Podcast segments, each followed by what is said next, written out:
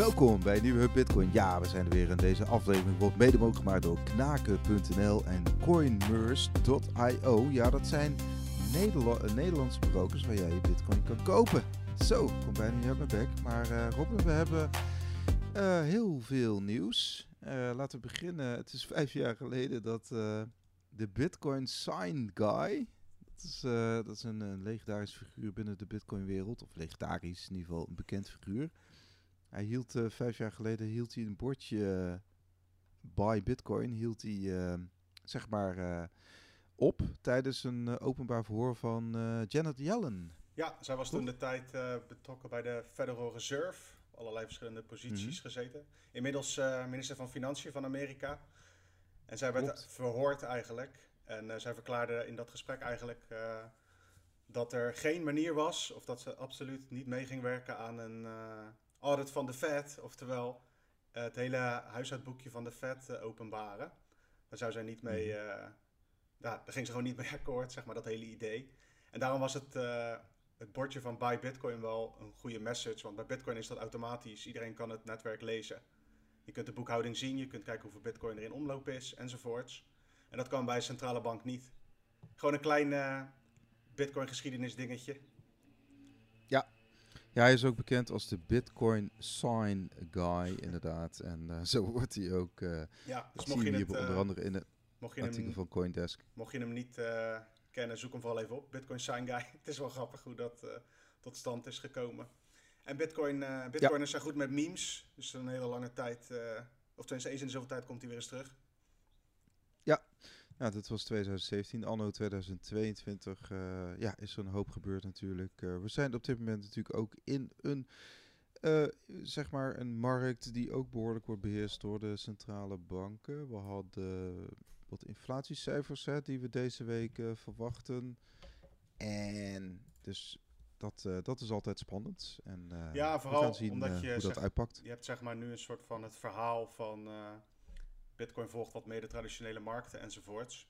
Ja, klopt. En ja, nu heb je, je hebt te maken gewoon met dat iedereen eigenlijk naar de centrale bank van Amerika aan het kijken is van wat gaan ze doen en hoe gaan ze het doen. En aan de hand daarvan zal een Ja. bepaald sentiment ontstaan.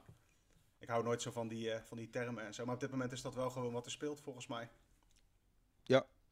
Ja, eh, Amerika komt deze week, hè, de Federal Reserve komt deze week dus met een inflatiecijfer. Eh, of in ieder geval het eh, Amerikaanse orgaan die dat maakt het eh, Consumer Price Index bekend. Ja, een fictief, fictief inflatiecijfer met, ran- met willekeurig gekozen objecten in een bakje, maar dat terzijde. Ja.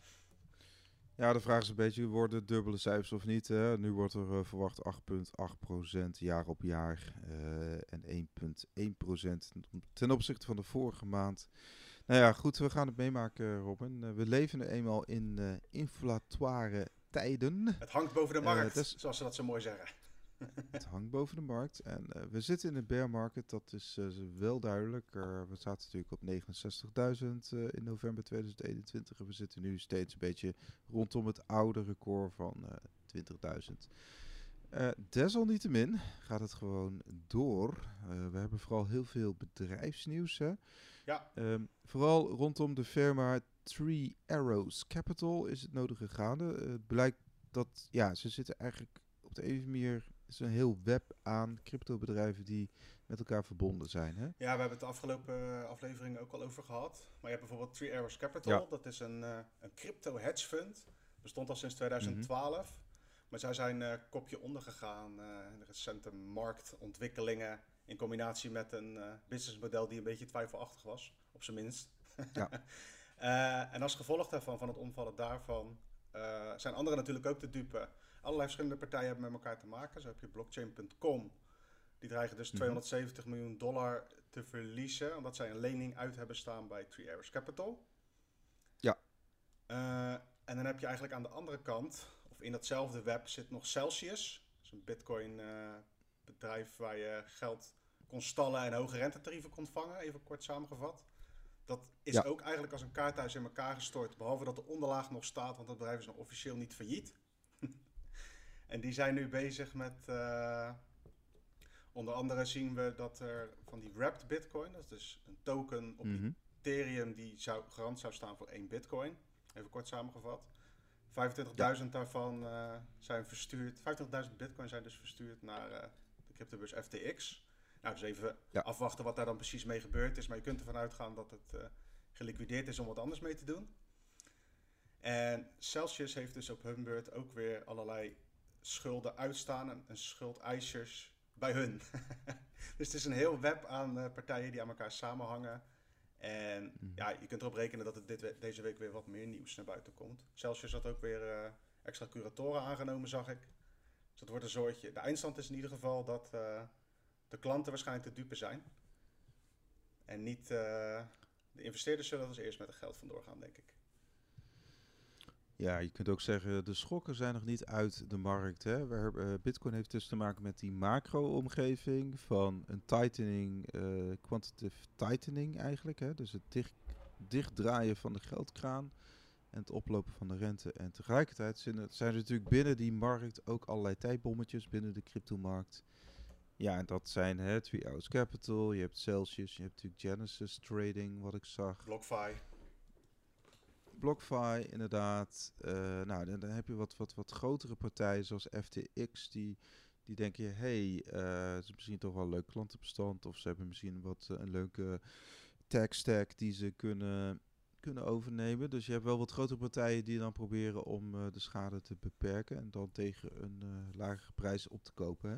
Ja, je Onder andere BlockFi. Ja, ja, FTX heeft daar een deal, zo'n soort deal met BlockFi. Bepaalde leningsstructuur. En dan in combinatie met blijkbaar kunnen ze het ook opkopen voor een bepaald uh, bedrag in de honderden miljoenen dollars. Ja. En ja, dat soort structuren. Ze, misschien dat Celsius daar ook wel op uit is. Hè? Dat ze proberen om niet helemaal kopje onder te gaan, maar iemand te vinden die de boekhouding acceptabel genoeg vindt om op te kopen. Ja, nou ja, BlockFi, hè, de FTX wil BlockFi kopen voor 25 miljoen volgens mij. Nee, 250. Meer, Jawel, dat was een groot. Oh, 250. Ja, rond dat ah, bedrag. Okay. Uh, zit dat. En die, le die lening ging weer meer richting die 500, ik weet de exacte bedragen niet, meer richting die 500 miljoen. En mhm.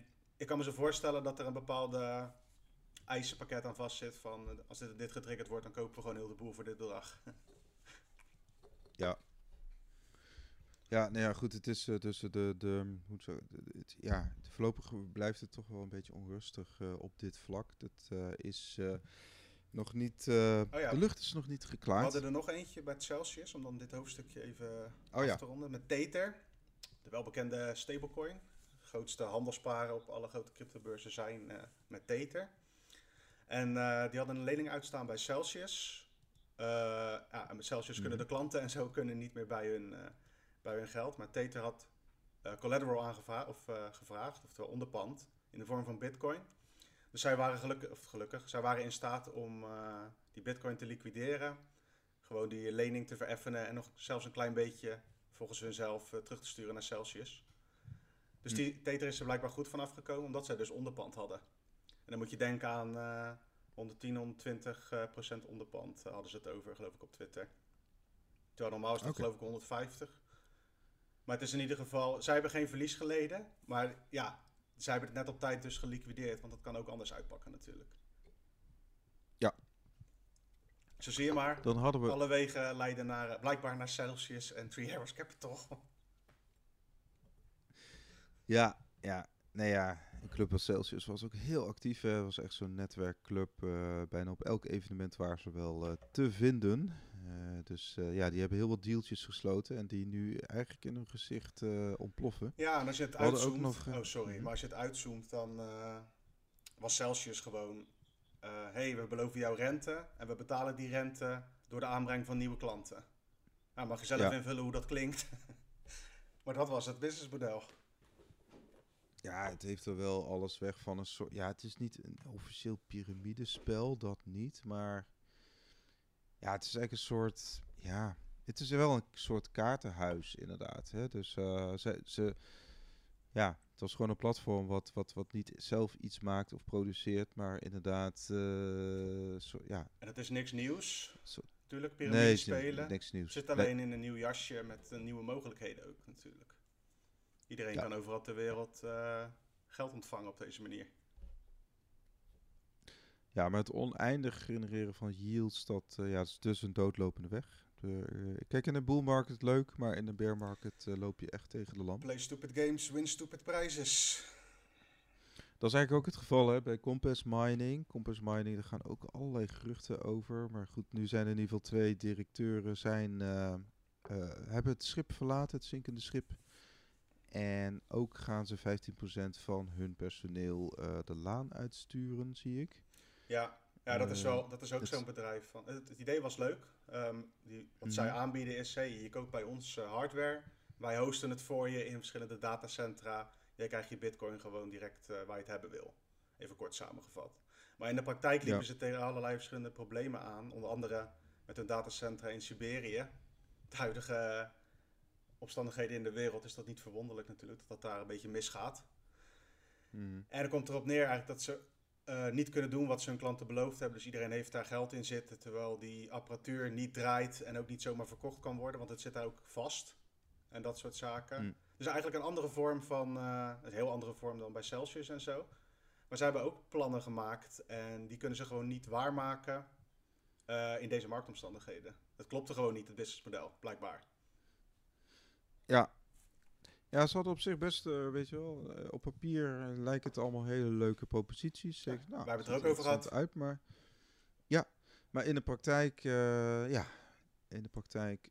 Nou, wij gingen nadenken dat, van, hey, oké, dan koop je voor, ik zeg maar wat, voor 5000 euro apparatuur daar. Oké, dan moet je Mhm. dat eerst terugverdienen. Hoe lang moet het dan draaien? En dan moet er in die tijd helemaal Ja. niks misgaan. En daarna ga je pas winst maken. Het is, eh, Ja. het is niet, het leek, zeg maar, de propositie leek een zekerheidje van, nou, je laat het gewoon twee jaar draaien en je hebt winst, ruim. Maar zo simpel is het niet, want de markt verandert constant. Zeker nu met die huidige bitcoin-koersen. In euro's is het nu heel lastig om het snel terug te verdienen hoor. Ja, je kocht dan ook de machine. Hè? Dus je kocht de machine van Compass Mining. Dus hè, ik noem maar wat, je kocht voor vijf. eh, op de duur wa- was één zo'n machine was gewoon 5000 euro. Later werd dat eh, echt richting de 8, 9000 euro per machine. En dan kon je gewoon eh, inderdaad uitrekenen ongeveer wat je terugverdientijd zou zijn. Maar nu, nu is ook gewoon de problemen eh, zijn gewoon dat je je machine niet terugkrijgt. Hè? Dus je hebt eh, die machine gekocht van ze en, en ja, je krijgt hem niet terug. Hij levert ook niks op. Ja, oftewel, Dus dat, dat, dat, Hm. ja, dat is een groot probleem natuurlijk. als de mijners niet in je eigen schuur staan, loop je meer risico blijkbaar. Ja, ja dat, dat is wel de les. Hè. Dat is in ieder geval bij Celsius de les van... hey, bewaar je eigen sleutels. eh, en eigenlijk moet je ook je eigen, eigen miners eh, maar bewaren. Want dat kan ook niet. Ja, kijk, het kan wel, alleen dan, je kunt op andere manieren. eh, Kijk, gewoon, dit was ook direct een soort van via die klant of via Compass direct zelf die miners kopen en zo. Je, hebt ook, Mhm. je kunt ook die industrie bekijken en zeggen van nou, misschien wil ik wel een aandeel in een of ander beursgenoteerd bedrijf. En dan laat je de rest gewoon over aan mensen die daarmee bezig zijn. Het is ook niet mijn investering hoor, maar het hoeft niet direct in eh, directe hardware te zijn. Want die concurrentie is gewoon moordend. Je neemt het op tegen Ja. allerlei eh, experts in de wereld die eh, weet ik het hoeveel datacentra uit de grond stampen. Nou, er gingen ook geruchten dat Compass ook aan cloud mining zou doen. Dus dat zou eigenlijk betekenen, jij koopt een machine van ze.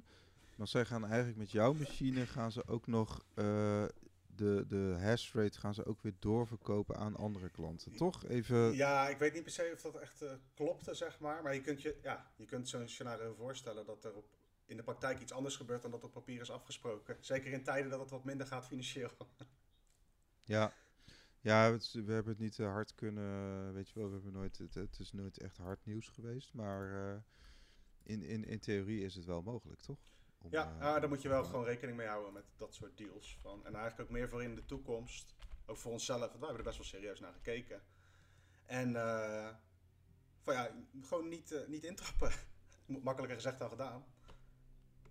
Maar dat is de situatie wel. Want je, iedereen kan mooie plannen maken, maar als er, zoals nu, klappen vallen op de financiële markt, dan eh, blijft er ook een hele hoop niet overeind staan.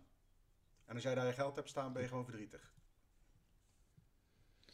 Ja, inderdaad. Nou ja, goed, het blijft, eh, blijft tricky wat dat betreft. En eh, inderdaad, eh, We kunnen even naar blijf bl- het groot, eigenaar van je eigen keys ook. Ja, we, Ja. we kunnen even stap maken naar het grootste casino van de wereld, Binance.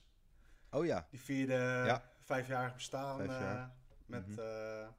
het schrappen van de handelskosten op 13 verschillende handelsparen met bitcoin. Nou, leuk natuurlijk. Denk je van, eh, dat komt mooi uit voor de mensen die daar actief op handelen. Maar in de praktijk zorgt het ook wat voor wat problemen.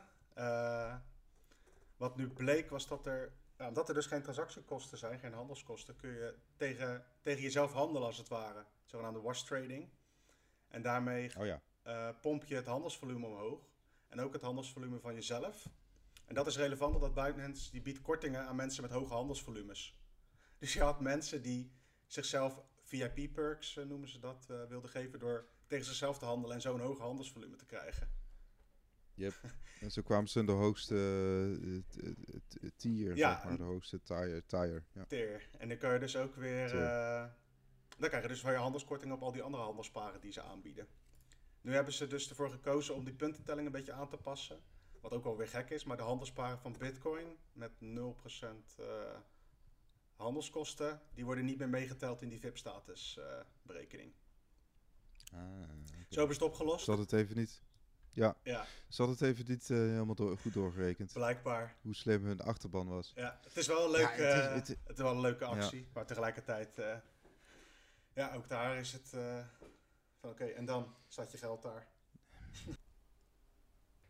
Ja, ik weet nog wel, 2017 was natuurlijk de ICO van Binance. Eh, en eh, waar ze hun eigen coin, de BNB, eh, in de markt zetten. En dat was het, in ieder geval het begin van, van die beurs. Maar volgens mij is die ICO nog steeds onderwerp van onderzoek van de SEC. Die dus gewoon gaat controleren in hoeverre dat dus een security is, die BNB. Ja, tegelijkertijd wens ik ze dan veel succes, want als er één partij in eh, deze hele industrie geld heeft, dan lijkt me dat Binance. Ja. Die zullen wel een legertje juristen hebben. Niet voor niks zetten ze natuurlijk ook overal eh, ter wereld zowat eh, dochterbedrijven op. Klopt. Al dan niet al met een licentie. Dus ik denk dat ze dat ook gewoon heel erg aan het verspreiden zijn. En ik vraag me soms echt af hoe dat nou precies werkt, zeg maar. Want je hebt Binance als overkoepelende organisatie. En Mhm. daaronder zitten al die, tussen aanhalingstekens, dochterbedrijven die semi-onafhankelijk eh, te werk gaan. Maar die geldstromen moeten toch van eh, mama Binance vandaan komen. Ja, goede vraag. Ja, kijk, het, het is een beetje. Ja, je, ze gaan gewoon kijken van, joh, waar, kan, waar is een markt? Waar kan ik een eh, bedrijfje opzetten, natuurlijk. En Ja, net zoals bij elk bedrijfje, Spanje, misschien dat dan inderdaad CZ vanuit de bedrijfspot gewoon een startkapitaaltje stort bij Binance Ja. US of Binance Spanje, hè, waar ze nu ook een registratie hebben. Ja, met Dus een is- passelijke naam voor het bedrijf, eh Moontech Spain. Oh ja? Zo, ja, Moontech Spain. Voor het gemak kan je het Binance Spanje noemen, maar de officiële naam is Moontech Spain. Ah. En eh, ja, wat zijn eigenlijk, dan zijn zij officieel eh, Virtual Asset Service Provider. Dan mag je bepaalde dingen wel, bepaalde dingen niet. En op die manier gaan ze die diensten lokaal ook opzetten.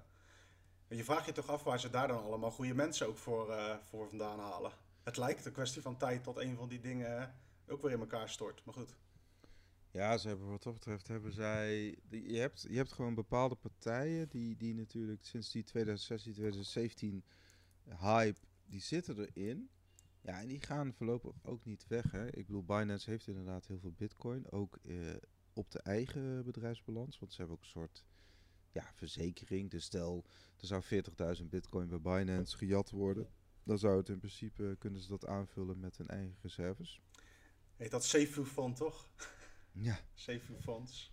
Maar ja, ze zijn inmiddels ook zo groot dat, dat de toezichthouders er ook inderdaad eh, een beetje tandeloos zijn hè, tegen, tegen Binance. Dus ehm, ja. Ja, want eigenlijk hebben zij gedaan wat eh, absoluut niet wordt aangeraden. Dat is namelijk gewoon scheid hebben aan alles. Alle financiële diensten, die je, financiële producten die je kunt bedenken, gewoon lanceren wereldwijd. En langzaamaan dan eh, in die malle molen van het eh, regeltjes en wetgeving ding eh, proberen mee te spelen. Want je Ja. ziet ook dat ze veel lobbyen in vooral kleinere landen, waar ze dan mee gaan schrijven aan de crypto-wetgeving en zo. Nou, je kunt ervan uitgaan dat dat geen Bitcoin-only beleid wordt als zij meeschrijven. Nee, dat, dat, dat zat sowieso niet. Maar goed, tegelijkertijd zijn ze wel nog steeds platform met het eh, hoogste bitcoin volume. Ook qua eh, bitcoin derivaten natuurlijk. Ja, Dus Ja, ja, ik kan me voorstellen dat het voor die statistiek ook wel goed is dat ze, eh, 13 handelsparen geen handelskosten rekenen. ja. Dat gaat hard.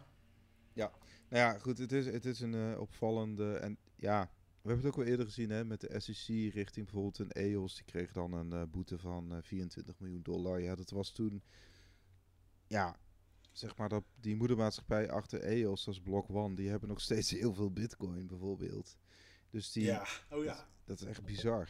Als je kijkt uh, ja. hoeveel, uh, echt, dat loopt echt in de honderden, duizenden ja, bitcoin. Wat je, wat je eigenlijk ziet is dat je gewoon iedereen die voor een bepaalde tijd binnen is gekomen en een bepaalde grootte heeft bereikt, is, um, ja, die, is, die uh, krijgen ook wel dingen voor hun kiezen. Binance heeft bijvoorbeeld in Nederland dat je niet met Ideal kunt storten, om wat te noemen. In Spanje hadden ze laatst de Bitcoin futures geschrapt. Dus ze maken wel een beetje dingen op maat. Maar degene die eronder zitten, die nu met een vet idee willen komen, wat het ook is, of gewoon Bitcoin, uh, Bitcoin gerelateerd, die moeten eerst door allerlei filters heen. Zoveel zijn de, onder, zoveel ja. zijn de toezichtskosten, compliance afdeling, enzovoorts, enzovoorts. En dit soort partijen kunnen daar gewoon doorheen fietsen, ook omdat ze zo vermogend zijn. Ja, de drempels zijn zo hoog dat je, je gaat nu niet, ja, of je moet, ik weet niet of je moet een bank zijn of zo, maar je gaat op dit moment niet een brokerage uh, starten. Ik kan me dat bijna niet voorstellen.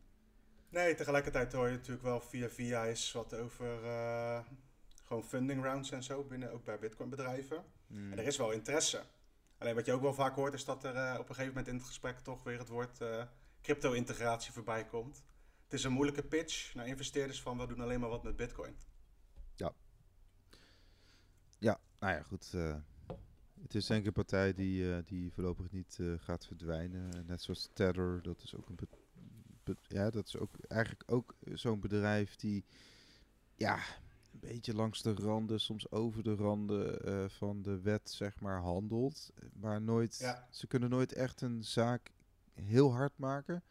In ieder geval niet zo hard dat, dat, het, dat het verdwijnt. Hè? Want ze moeten dan wel een boete betalen, maar dat, dat is het dan ook. Nou, ja, en, dus, en, en blijkbaar hebben ze ook een positie uh, gecreëerd in de markt, waardoor ze dus ja, waardoor ze dus onmisbaar zijn blijkbaar. Want anders waren ze al, uh, ja, waren ze al lang weg. Nou, ze leveren blijkbaar gewoon een, een dienst. Ja, ik maak er echt geen gebruik van. Gewoon nul.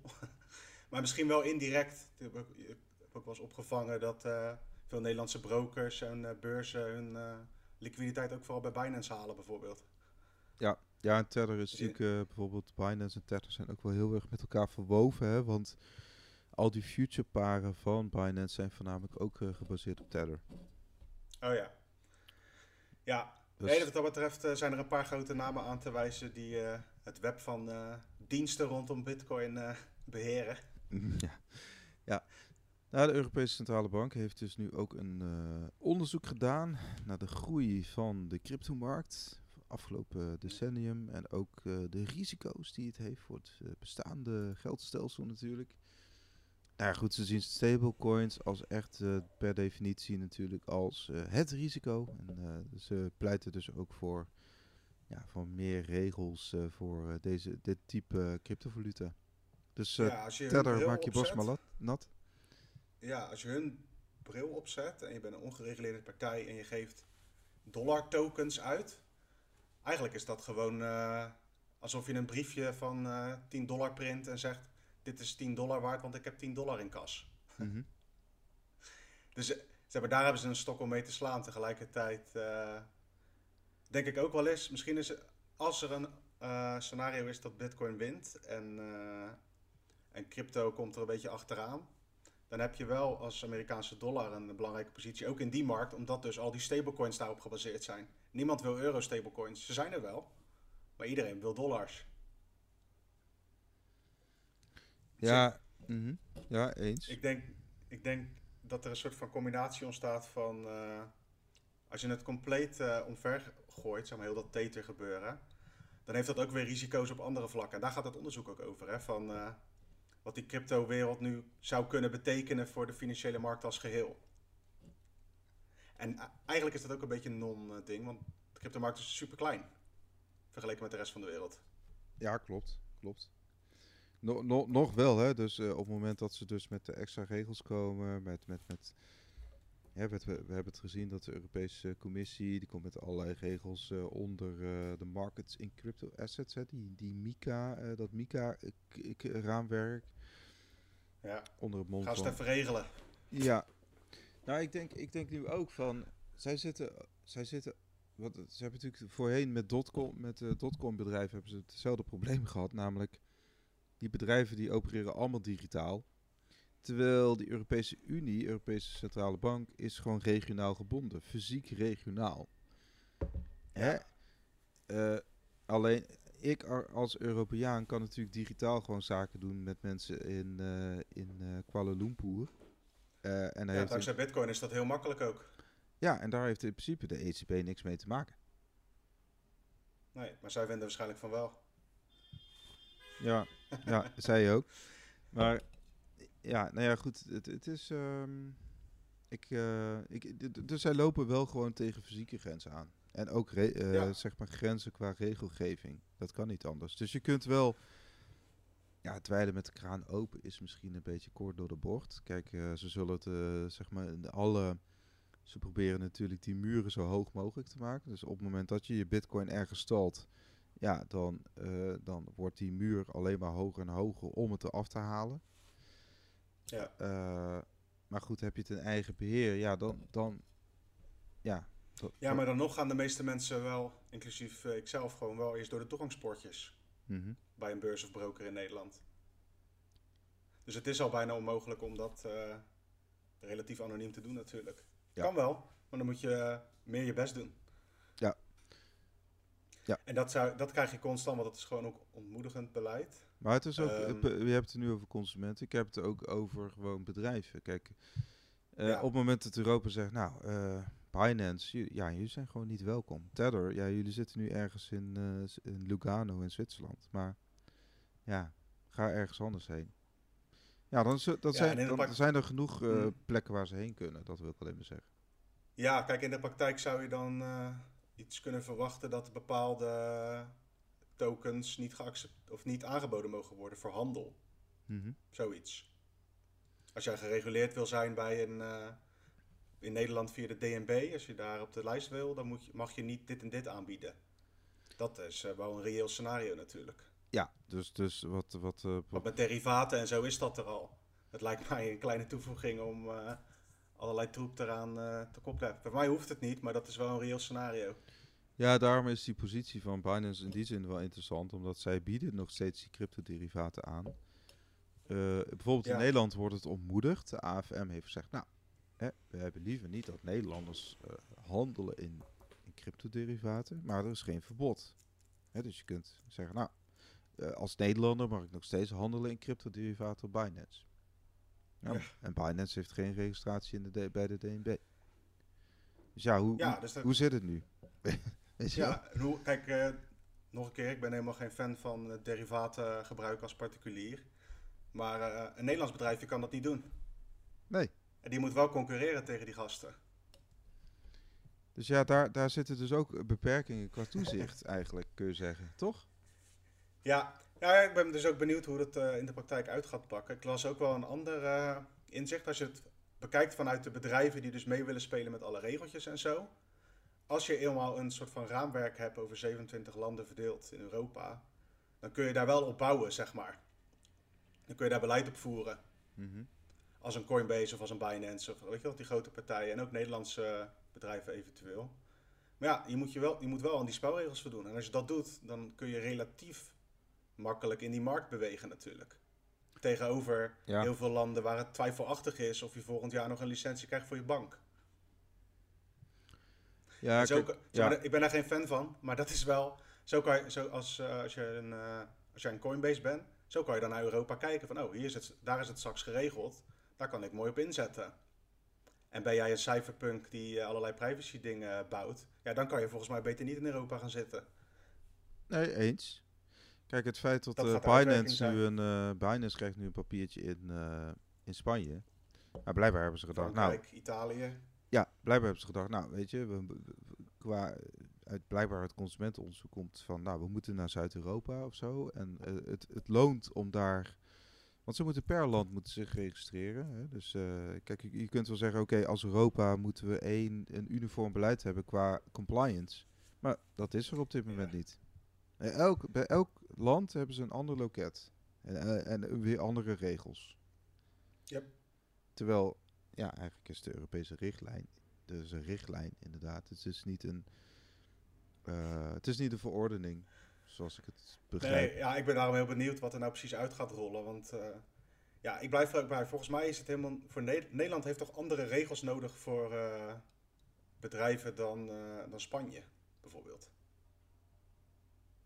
Nou ja, in dit geval wordt het ook, is het aan de lidstaat hoe ze het willen implementeren. Om het te implementeren weer. Ja. Ja. Daar, daarom is het een richtlijn. ja, op die manier. Op het moment okay. dat de verordening is, dan is het een wet. Die wet die geldt dan voor iedereen.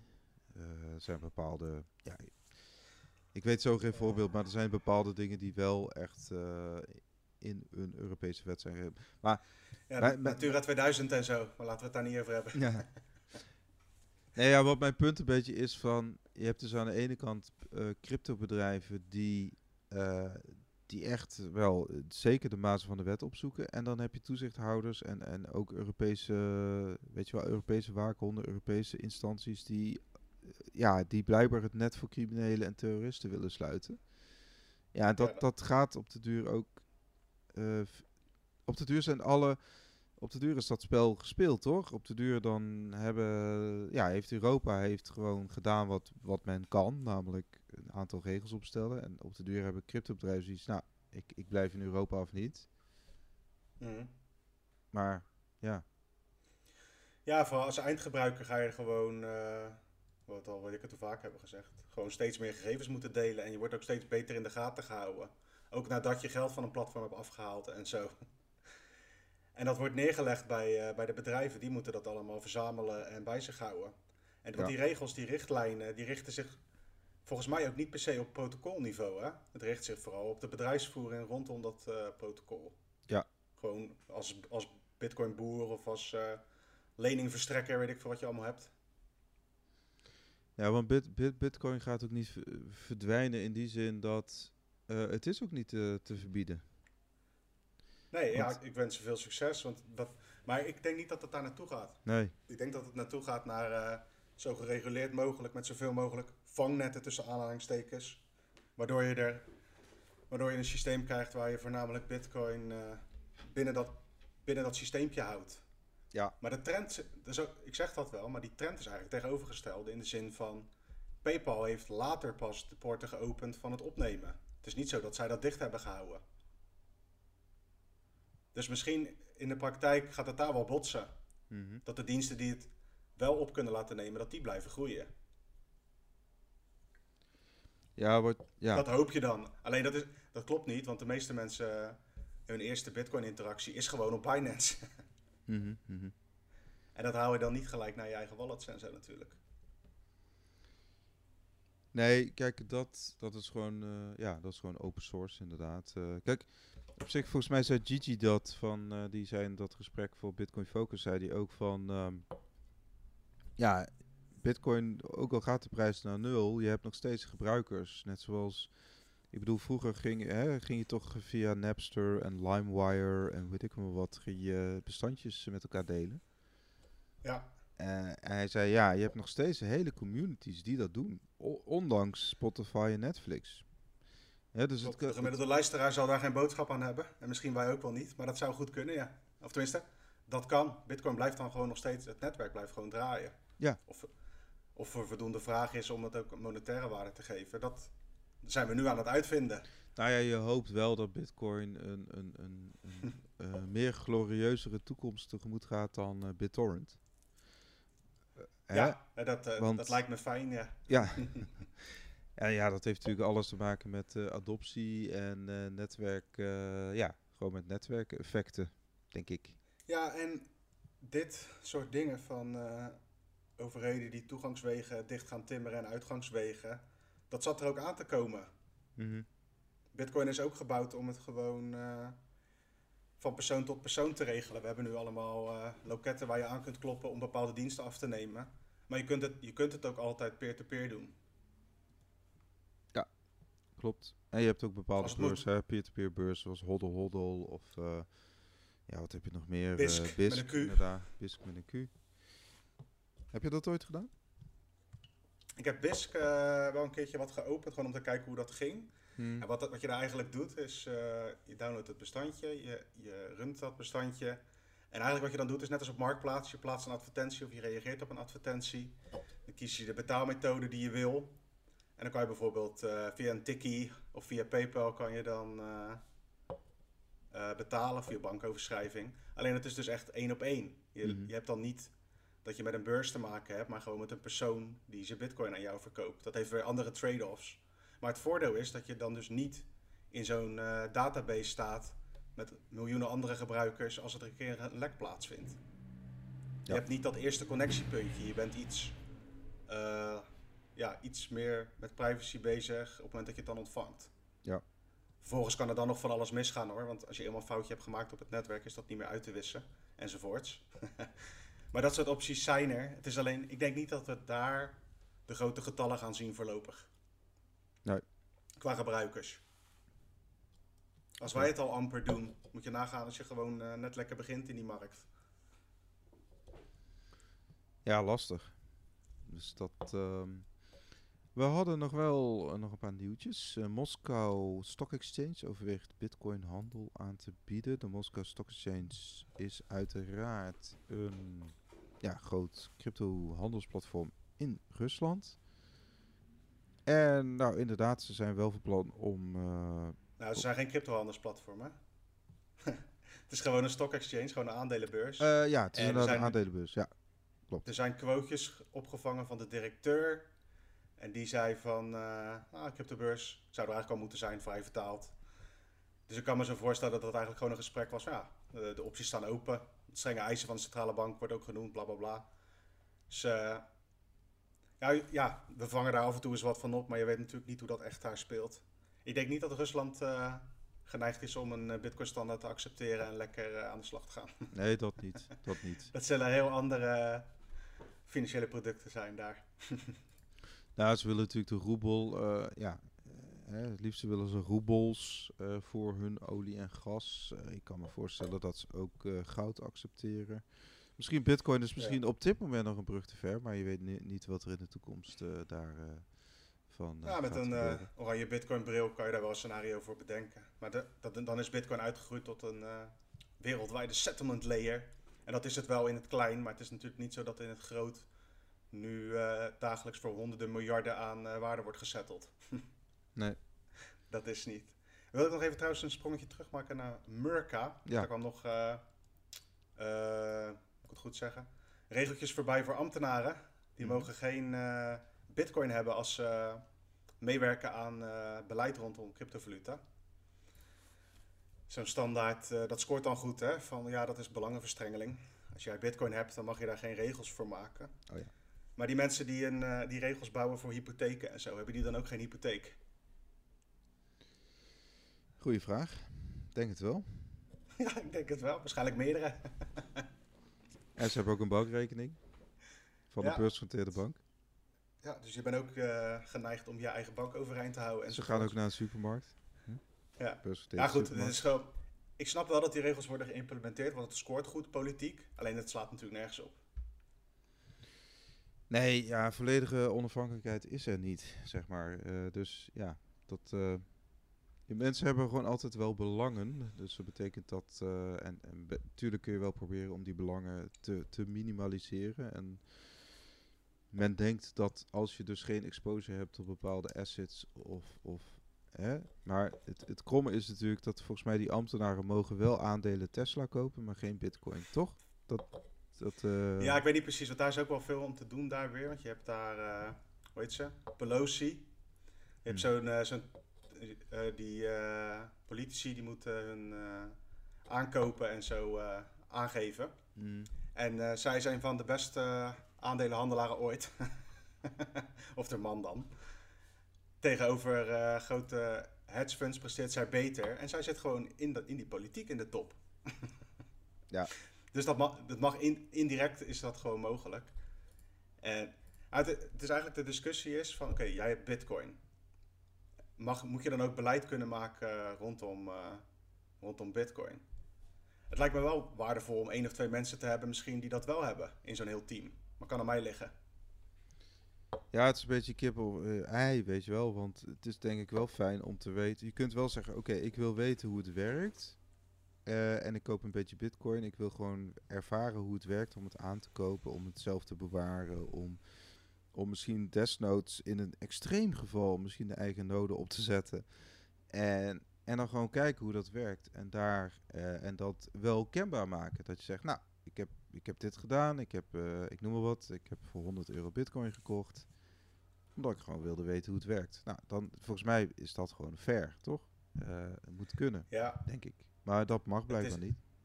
nou het gaat natuurlijk eh, met name om eh, of het een effect is, weet je wel? Dat soort eh, termen. Mhm, mhm. En als je de stablecoins en cryptocurrencies als geheel voldoen dan niet aan die, aan die eisen. En dus hebben we een beetje hetzelfde als we wel vaker hebben. Dat je dus bitcoin op dezelfde hoop wordt gegooid als, als alle andere meuk. Kijk, ik snap ook wel dat je een beleidsmaker die dik in Apecoin NFT's zit, niet regeltjes laat schrijven voor eh, NFT's. Mhm. Alleen bitcoin is wel echt wat anders dan dat. Maar blijkbaar is dat op, wordt dat op één hoop gegooid. Ja. Nou, het is natuurlijk, ik, ik snap wel, het is gewoon een financieel product, kun je zeggen. Het, het, het is een financieel instrument, dus ik snap wel dat daar bepaalde regels voor gelden. Het is misschien toch Ja. anders dan dat je eh, beleid moet maken voor eh, koelkasten en ja, je hebt zelf toch sowieso wel een koelkast. Dus het is, Ja. Het kwam ook uit het eh, Office of Government Ethics. Dus dat is ook zo'n bureau die ja, opgericht is om dit soort dingen dan te bedenken. Dus het is een logisch gevolg, denk ik. Ja. Dus eh, mocht je ambities hebben om een eh, ambtenaar in Amerika te worden, mee te schrijven aan cryptowetgeving, moet je je bitcoin even verkopen. Dat klinkt aantrekkelijk. Hoe, hoe sta je er eigenlijk in? Hè? Want sommigen zeggen ook dat je als journalist of als redacteur mag je ook geen bitcoin hebben. Hoe, hoe sta jij in die Eh, discussie? Nou ja, kijk, als je voor, eh, bij bitcoinmagazine.nl of Hub Bitcoin, als je, dan, eh, als je zo heet, dan kan je ervan uitgaan dat het mensen zijn die iets met bitcoin hebben. Dus zeg maar de stukjes die je bij ons hoort of leest, die zijn ook met een bitcoin bril geschreven. Ja, Ik vind dat helemaal geen, geen probleem. nee. Nee, ik ook niet. Alleen, ik kan me voorstellen, stel je, je zou bij het FD of AD werken. Oh, als, als dat dan in de statuten staat dat ze het graag eh, onderaan het artikel vermelden, bij wijze van spreken, vind ik dat helemaal niet erg. Nee. Alleen volgens mij hoeft dat voor een artikel of voor wat dan ook, ook weer niet echt uit te maken. Tenzij het een advertorial is.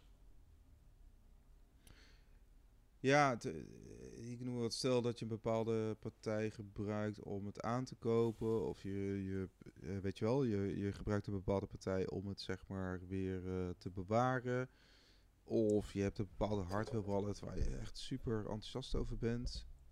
Ja, ja, dan is Ja, een van mijn favoriete, En, en, en, mm. en, en zo'n partij gaat failliet. Zou je, Ja. kun je dan, dan kun je toch nog steeds een artikel erover schrijven. Dus ik, ik snap. Ja. Nou kijk, het is aan iemand anders om dan te beoordelen of je het wel of niet wil lezen. Ja, ik heb meeste gevallen, als iemand dat zou zeggen, dan denk ik van, eh, van favoriete zinnetjes van, dat bepaal jij niet. hoe, eh, hoe ik of hoe iemand anders, eh, wanneer die over bitcoin mag schrijven. mhm. Toch? Kijk, als het bij de, in de regel staat van het mag, je mag geen eh, assets hebben waar je over schrijft, nou dan zou ik daar niet willen werken. Nee, dat, dat kun je ook eh, zelf, eh, zelf bepalen inderdaad. Ja, we hadden destijds eh, hadden we ook bijvoorbeeld die politicus hè, van de VVD, Klaas Dijkhoff. Die had ook Ja, die bitcoin ook voordat bitcoin hij... Ja. ja, die zou dat ook verkocht hebben voordat hij een publieke functie Ja.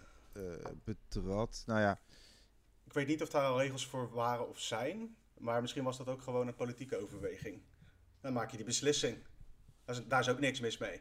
Ja, ik weet niet. Volgens mij in Nederland moet je ook. Dat moeten we een keer opzoeken. Maar volgens mij moet je als politicus ook wel gewoon je. Of is dat niet zo? Nee, dat is, eh, dat, dat is volgens mij helemaal niet zo. Dus volgens mij in Amerika. Met name moet- je giften moet je je duidelijk opgeven. Daar is Pechtold toen aan ten onder gegaan, toen hij ineens een appartement had. Ja, ja. Maar het is vaak extern onderzoek die zeg maar naar boven brengt dat bijvoorbeeld, eh, hè, we hadden natuurlijk eh, Wopke Hoekstra, die bleek ook een eh brievenbusfirma te hebben opgericht in Curaçao, meen ik. Oké, ja, ik heb wel iets van dat verhaal gehoord, maar waar de, de details weet ik niet. Nee, oké. Maar het is niet dat zij Ja, dat soort, zelf, ze hoeven niet zoals in Amerika, moet je het gewoon opgeven. Ja, dan moet je gewoon een formulier invullen. Ja. Maar goed, dat terzijde. Bitcoin kijk, is, dus, vooral, is dus valt buiten het boot. Eh, volgens deze. Ja, ik heb wel zoiets van, eh, Commissie. nog even over dat bitcoin. Van, eh, of over dat bitcoin. Over bitcoin hebben als je erover schrijft of over praat. Van, als je dat maar als lezer of als, als, ik, als ik een bitcoin podcast luister. Dan weet ik ook van diegene dat het iemand is die met bitcoin bezig is. Dan kan je dat ook op een bepaalde manier interpreteren, toch? Ja, Als je op mijn woorden of iemand anders woorden afgaat om ergens je geld in te stoppen, dan gaat het daar al fout. ja. Nou, blijkbaar op de een of andere manier is het, omdat het dus, eh, het valt in het financiële bakje van belegging of zo. En dan wordt het ineens, eh, zou het anders zijn of zo. Maar ja, ik weet het niet. Ja, het is voor ons natuurlijk een beetje een rare positie, want we hebben nou helemaal eh podcast en een website enzovoorts. Ja, en wij zijn dat gewoon aan het doen. En als je dat niet oké vindt, is ook prima. Ja, Er zijn zat mensen te vinden die, niet, die geen bitcoin hebben. All good. Nou ja, goed. Je hebt ook voetballers in een podcast die iets over, eh, over een bepaalde. die ook eh, kunnen praten over bepaalde gokbedrijven. Dus wat dat betreft. Mag allemaal. Het, Laten we- eh, Laten we het zo houden. ja. Alright, nou ja, goed. We hadden eh, nog het tenslotte wat een transfer, kun je zeggen. Eh, Bitcoin Core Ja. maintainer eh, Pieter Wule.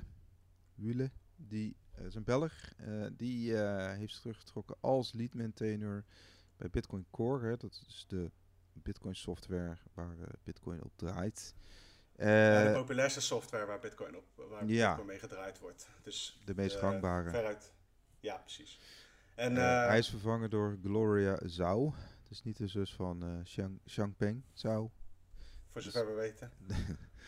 Dat, zou- dat zou het zijn. Maar eh, zij heeft inderdaad, zij gaat de rol eh, vervullen. Zij is de eerste vrouwelijke maintainer van Bitcoin Core, inderdaad. Ehm, maar goed, dat... eh dat Ja, dan dat is altijd een leuk. beetje de vraag, want de Pieter gaat wel door, alleen niet als in die rol, zeg maar. Nee.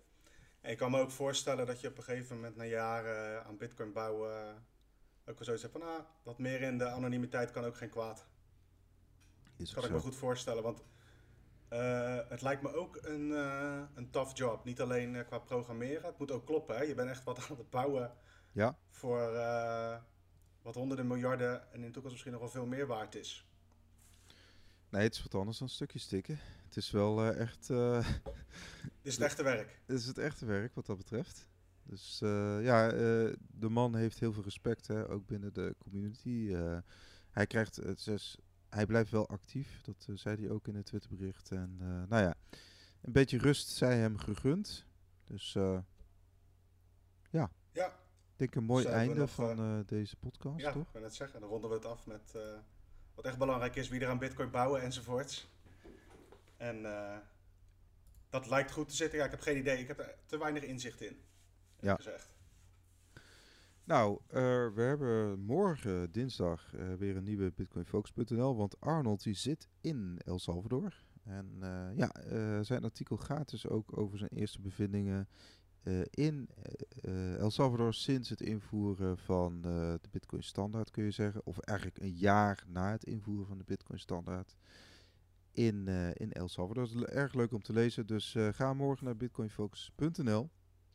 Of ergens Yes. in de week. En eh, ja, wie weet, vind je het leuk om eh, een aantal verhalen te lezen en abonnee te worden. En voor het laatste nieuws ga je naar bitcoinmagazine.nl. Ja, en eh, alle socials natuurlijk. Op Twitter, op Facebook, Telegram, op YouTube. En vergeet Hub Bitcoin niet te volgen en te liken en zo op je podcastplatform. Yes. Later. Doei doei.